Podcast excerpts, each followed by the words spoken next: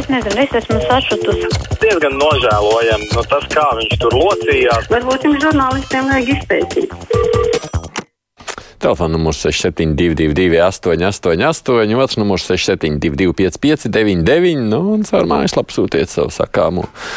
To, ko gribat mums pateikt. Halo! Labdien! Labdien! Nu, teikšu tā, ka, manuprāt, situācija ir sakaitēta. Guļam rajonos un lielveikalos dominē krievu valoda. Piemērs Maskavas Fui Maksimas veikals Biķernieku ielā. Sajauca kārtību rindā pēc zīmēm.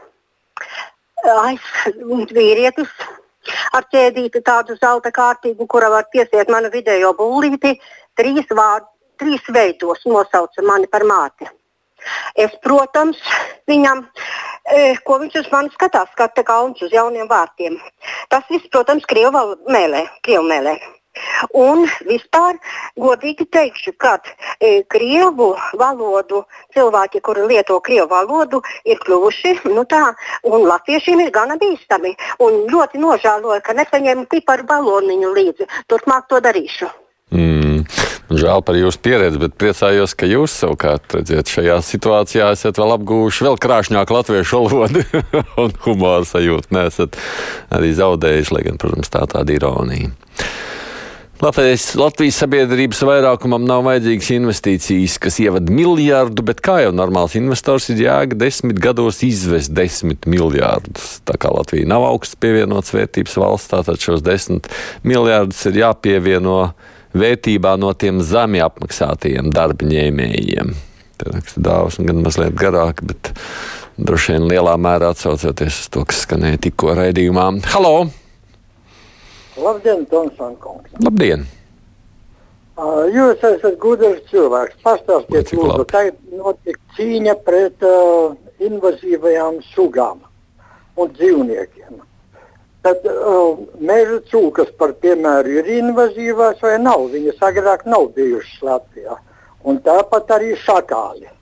Tas viens jautājums. Kad tad ieradās Otrs... meža? Ja, redziet, tagad jūs būsiet gudrāks par mani. Kad ieradās meža cūkas Latvijā? Man teica, ka tikai Pirmā pasaules kara laikā. Tikai Pirmā pasaules kara laikā. Tā vismaz man, uh, mana informācija, jūs varbūt labāk zināt.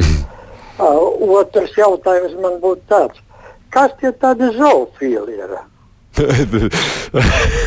Piedodiet, bet šo otru jums vajadzēs tomēr izlasīt internetā vai enciklopēdijās, no ko es skaidrošu to lietu te Latvijas radio ēterā. Nepelpu tiešām vajag atlaist, raksta Jānis, kaut vai viņu neveiklās un bezjēdzīgās cīņas pret TV reinu dēļ. Iedomājieties, 17. maijā pats NATO ģenerālsekretārs ne tikai sniedza YouTube interviju ļaunajam Doždzam, bet arī tās sākumā pateicās žurnālistiem par darbu un teica, ka viņa ieguldījums ļoti būtisks un nepietiekami novērtēts.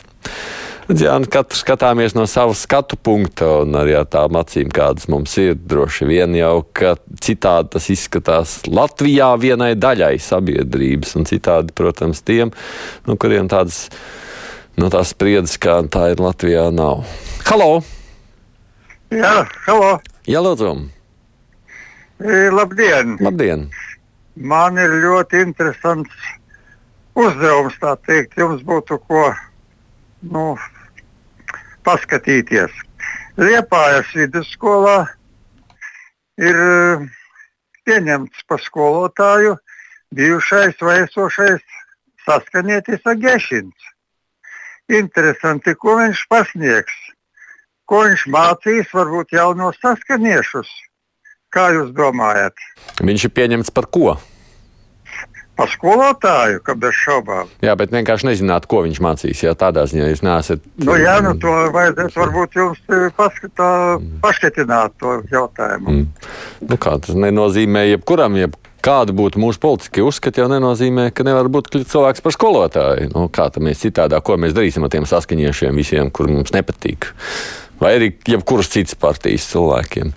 Nu, jādomā jau, ka nemācīs jau viņiem, nezinu, Latvijas politiskās zinātnes. Es tā domāju. Es kā jaunās vienotības vēlētāja, raksta mums Zalmans kundze, gribētu, lai apvienotā saraksta vietā valdībā būtu progresīvie. Un pietiek cīnīties, ir laiks strādāt. Nu, redzēsim, gaidīsim. Halo! Labdien! Labdien! Šeit jums zvana divas kundzītes cienījamos gados. Mēs vēlamies pateikt, nu, lai jūs pateiktu Annim Krausam sirsnīgu paldies par viņa brīnišķīgajiem raidījumiem sestdienās un novēlam priecīgus līgos svētkus viņam un jūsu radio komandai. Mm -hmm. no Kautenes ētra un no Rojas Astrīda. Visu labu! Paldies! Izklausās, ka cerams esat satikušās vai jebkurā gadījumā vienojušās. Es zinu, Kārns itin bieži mūs dzird to, ko jūs sakāt. Tā kā gan jau cerams būs saņēmis sveiciens nepastarpināti. Olga savukārt domā, ka atlaist vajag prokrievisko sepulpu. Prieks par organizācijām, kas prasa nepilnu atlaišanu, arī te turpina vēl miks mums. Tā āboliņa taisnošanās bija tik nevietā un ne par tēmu. Žurnālists jautājumu neklausās, tikai monotoni runā ne par ko. Halo! Labdien! Labdien. Gunārs no Rīgas. Man ir tāds priekšlikums, ka viņam četru gadu laikā neizdevās uz uh, savas kārtībā robežas nu, slikts celtnieks. Tagad viņam vajadzētu pāriet pa mēbelnieku un taisīt jaunus krēslus saviem jauniem ministriem. Tautai būtu patīkami novērtēt talantīgu. Katram redz savs ironisks skats uz politiku. Sanāca izlasīt viens ierēdnis privāti ierakstu Facebookā, raksta mums nor, kurā viņa min un teica citāts. Ir vairāk kārtīgi izlasīt desmitiem ziņojumu, pētījumu, valstu pieredzes par labu pārvaldību un rīcību politiku, kur apraksta skolu tīklu. Un tad ir piemērs tikšanās arī ar pašvaldībām. Bet šis ir kārtējs pierādījums, cik divkosīgi tomēr ir šī brīža izglītības politikas veidotāja morāli. Nevienu no viņiem neinteresē mūsu Latvijas skolēns. Par iekļaujošo izglītību tikai runā. Neviens žurnālists nespēja kanaviņu piespiest atbildēt pēc būtības. Vienkārši jautājums, ko darīs 7. klases skolēns braucot 40, 60 km uz skolu? Vai tad lasīs grāmatu? Smieklīgi. Un minētā ierēdna pāris ieraksts tālāk vaimanā par lasīt prasmes pētījumu. Neviens nav papētījis, cik tad mācīties gatavs skolēns nonāks tajā kvalitatīvajā pēdiņās pilsētas skolā. Tālūk norisakās par šo tematu. Halo! Labdien! Labdien. Ziniet, man ļoti sāp sirds par to, ka mēs tagad runājam tā un tā, bet kāpēc jāizved tik šausmīgi visi koku materiāli, visi mūsu meži uz ārzemēm? Vai tad to tiešām nevar aizliegt? Un ko darīt ar tiem koku materiāliem? Nu, ko, vai tam mums pašiem vajag? Kāpēc mums viss ir jādod prom?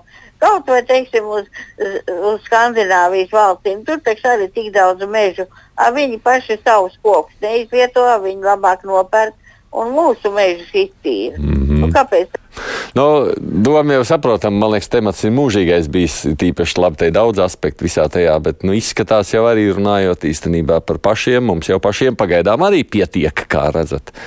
Bet, nu jā, labi, tā ir tāda ļoti šaura atbilde. Gribas tomēr vairāk konkrētības tajās septiņu mediju organizāciju apsūdzībās Nepalpa vadībai. Arī Ilza par šo tēmu turpina. Nu, viss kaut kā ir ļoti vispārīgi. Paklausoties Gunta Līdaku, šķiet vienīgā neapmierinātība ir Krievu valodas apjoma samazināšana elektroniskajos medijos, un tas arī ir viss. Es gan pieļauju, Ilis, ka tur tiešām varētu būt katrai mediju organizācijai mazliet savas iebildes, lai gan nu, viena daļa droši vien pārklājas. Halo!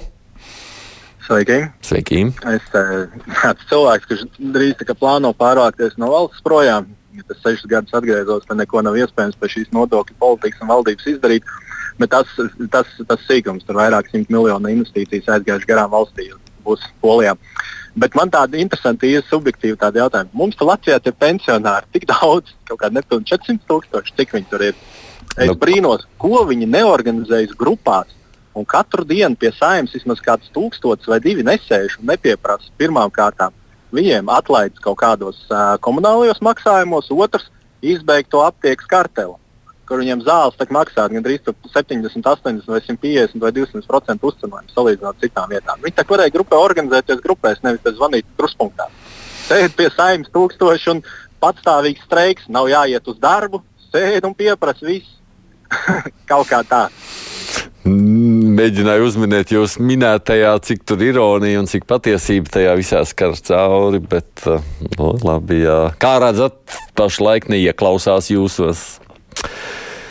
Uh, labdien, dīvaini, kāpēc vienotības vēlētāji tad nebalsoja par progresīvajiem? Tā, kas rakstīja jums, ja jau grib viņus valdībā. Liekas, cilvēkiem reizēm galvā ir īsta putra. Lai gan es pieļauju Imants Kungs, kas šo raksta, ka droši vien, ka tur kāda daļa no vēlētājiem nevarēja izšķirties balsot par vienu vai otru pusi, bet tā jau var mēdz gadīties. Halo! Jā. Jā. Halo! Halo, lūdzu! Halo! Es taču jūs dzirdu. Klausām, tu tomēr esi pajolījis. Nu, ko lai dara? Vairāk man nav ko teikt. nu, es arī vairāk neko nevaru pateikt. Pieskaitiet vēl vienu vienotības vēlētāju atbalstu progresīvo ņemšanai valdībā. Redz, vēl viens Jānis mums līdzīgi uzrakstījis. Halo! Jā, lūdzu! Labdien! Labdien. Ziniet, es nesaprotu pa visiem tiem raidījumiem, kā un ko, kas slēdz un ko neslēdz. Bet es teikšu vienu, es neesmu nekāda Krievijas patriote. Es tiešām esmu Latvijas patriote bet ļoti sakarīgs raidījums ir Krievu valodā Vēčeram Sevaģa. Mm -hmm. Nu, ja es pareizi sapratu, jūs teiktais ir par to, vai vajadzētu vispār Latvijas sabiedriskajos medijos būt saturam Krievu valodā. Par to jau droši vien ir šī runa. Bet, nu, jā, mums jau ir bijusi neviena diskusija par šo. Tur ir savi argumenti par un pret.